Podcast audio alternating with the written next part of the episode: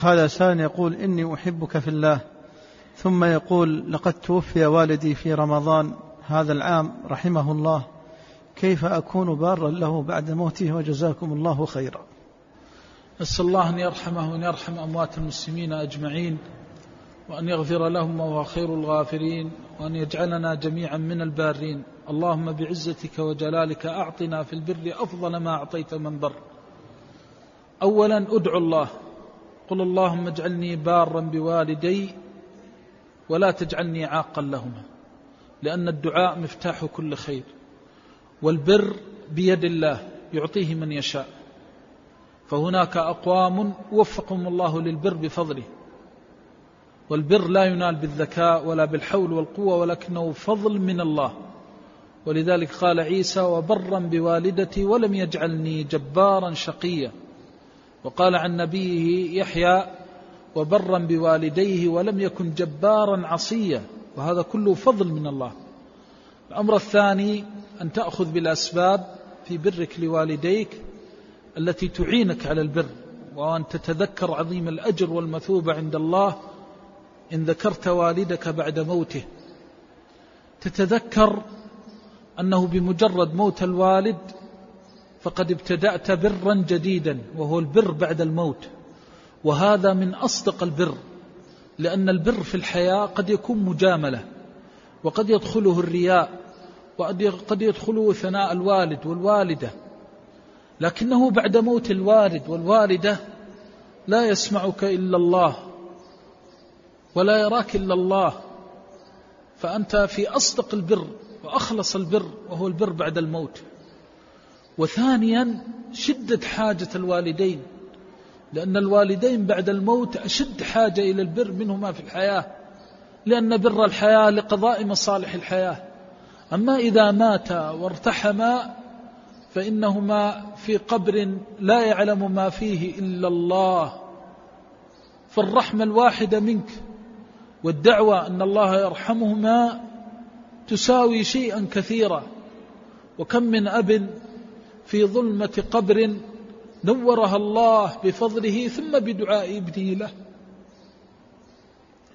وكم من أم في ظلمة قبرها وضيق لحدها نور الله عليها وأفسح لها بفضله ثم ببر أولادها لها.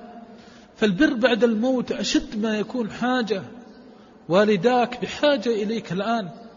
ولو كانا صالحين فإنك تسأل الله أن يزيدهما وأن يفسح لهما في قبريهما وأن ينور لهما فتذكر أنهما أحوج ما يكونان إليك في مثل هذه الساعة. البر بعد الموت بر حاجة وشدة في الحاجة. تصور أخي لو أنك وضعت في غرفة على قدر جسدك وهذه الغرفة يوسع لك فيها ويضيق عليك. كيف يكون حالك إلى أن تبعث؟ وكم من كم من كم هي ساعة سرور حينما تفسح لك هذه الغرفة وحينما ينور لك فيها. فإذا قلت اللهم ارحم والدي وأفسح لهم ما في قبريهما ونور لهم ما فيه أفسح للوالد في قبره والوالدة فأدخلت السرور عليهما وأحسنت إليهما. الوالدان أحوج ما يكونان إليك الآن بعد الموت. فتشحذ همتك على أن تكون خير والد لوالديه وخير ابن وخير بنت لأم أبيها. لا ينسى ولا تنسى. لا تنسى أما طالما ربت. وأحسنت. ولا تنسى أبدا. طالما صنع إليك المعروف وطالما أدبك وطالما أطعمك وطالما سقاك بإذن الله جل جلاله وطالما هذبك وطالما قومك وطالما أرشدك وطالما أحباك مهما قسى الوالدان عليك فالله وحده الذي يعلم مقدار حبهما لك فلا يمكن أن ينسى مثل هذين. ومن وفى لوالديه أحبه الله لأن الله يحب البر. ويحب البارين فاجتهد أن تكون خير والد والديه بعد موتهما. تجتهد صدق الاجتهاد.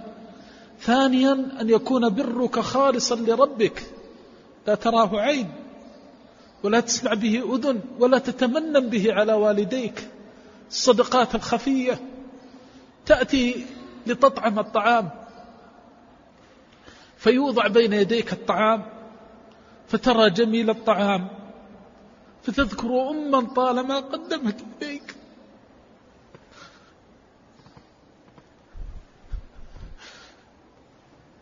طالما أطعمتك وطالما تفقدت حوائجك وطالما أرضعتك من دمها ولبنها. فيهون عليك هذا الطعام لتخرج إلى يتيم فتطعمه أو أرملة فتطعمها. وتتوسل إلى الله وتسأل الله أن تجعله رحمة على والديك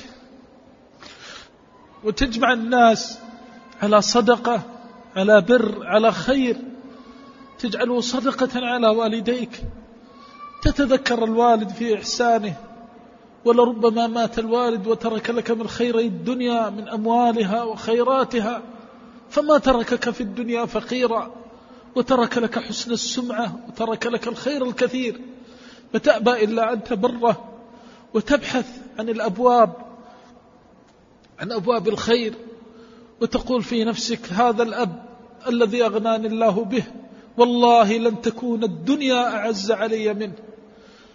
فتكفكف بماله دموع اليتامى وتجبر به قلوب الثكالى وتحتسب الأجر عند ربك الصدقات الصادقة الخفية. تجعل لك صدقات في جوف الليل على والديك تجعل لك دعوات في سجودك تجعل لك ابتهال إلى ربك في مظان الإجابة بين الأذان والإقامة. لا تنسى الوالدين وهما الآن في قبرهما أحوج ما يكونان إليك. فإذا حفظت هذا العهد حفظك الله وجعله وسيلة لك إلى لقاه وجعلك موفقا مسددا. إن أنفقت بارك الله في نفقتك. ورد عليك بأضعاف أضعاف وجعل الخلف عليك في نفسك وأهلك ومالك وولدك.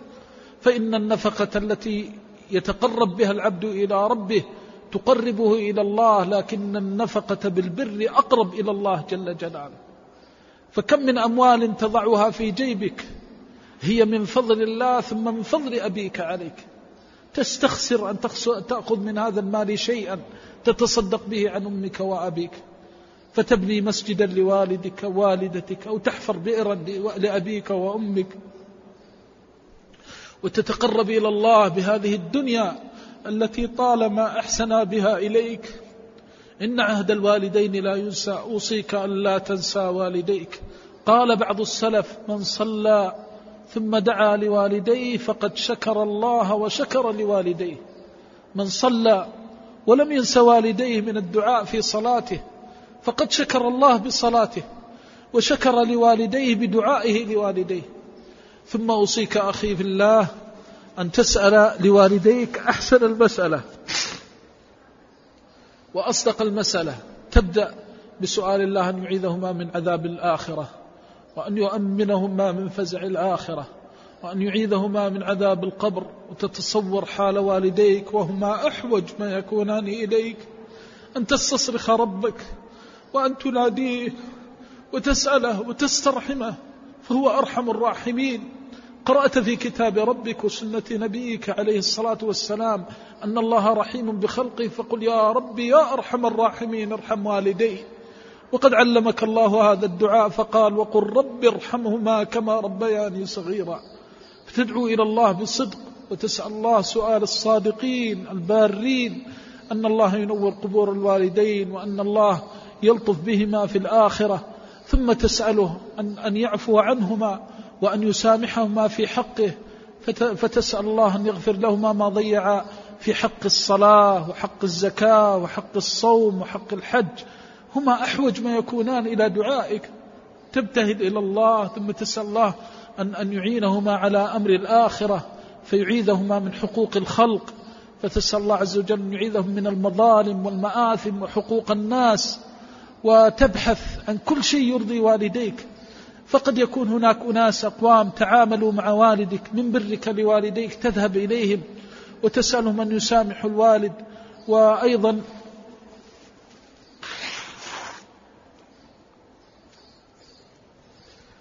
تبر والدك بزيارتهم وتفقد شؤونهم وأحوالهم وتتقرب إلى الله عز وجل بجميع ذلك. إن من أبر البر أن يصل الرجل أهل ود أبيه فتصل أهل ود أبيك وتزورهم فإذا رأوك قالوا رحم الله فلانا رحم الله أباك وذكروا الأيام الجميلة والمواقف الجليلة فكنت سببا في الرحمة على والديك.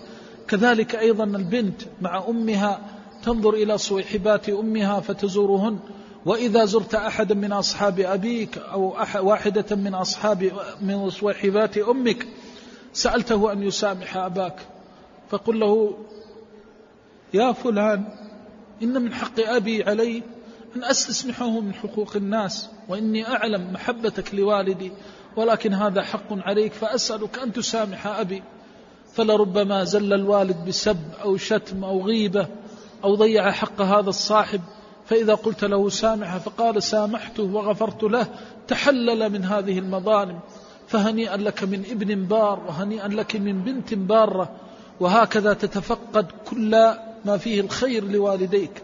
ومن أعظم ما تبر به أباك أن تحسن لإخوانك وأخواتك وخاصة أخواتك فإن المرأة ضعيفة وإذا مات أبوها ليس لها إلا الله ثم أخوها تزور أخواتك وتسلم عليهن وتحسن إليهن وتتفقد حوائج الإخوان والأخوات. وتنوي بذلك بر الوالد. الأخت ليس لها بعد موت أبيها إلا الله ثم أخوها. وحينئذ عليك أن تنظر إلى حاجة أخواتك إليك لا تسأم لا تمل لا تضجر. إذا احتاجت أختك إليك المرة بعد المرة والكرة بعد الكرة. وكم هي ساعة؟ تلك الساعة إذا دخلت على أختك وهي مزوجة وعندها أولادها فضممت أولادها إلى صدرك. وأحسنت إليهم وأدخلت السرور عليهم وأنت تنوي برا لوالديك. هذا كله من أسباب الرحمة ومما تلين به القلوب إلى الله ومما يتقرب به إلى الله وتشترى به رحمة الله. أحسن إلى والديك في إخوانك وأخواتك فإن أساء إليك الإخوان والأخوات وآذوك صبرت واحتسبت. وكلما تحدثت نفسك أن أخاك آذاك تذكرت أباك وأمك وتذكرت ما بينك وبينه من عهد الوالدين فصبرت واحتسبت وتصدقت بذلك على أبيك وأمك. هذه كلها من المواقف الكريمة ومن بر الوالدين بعد الموت. فقضاء حوائج الإخوان والأخوات من بر الوالدين خاصة إذا كانوا ضعافا. اللهم إنا نسألك بعزتك وجلالك وعظمتك وكمالك أن تعطينا من البر أكمله. وأجله وأفضله وأن تتقبل منا ذلك خالصا لوجهك الكريم موجبا لرضوانك العظيم. وآخر دعوانا أن الحمد لله رب العالمين وصلى الله وسلم وبارك على نبينا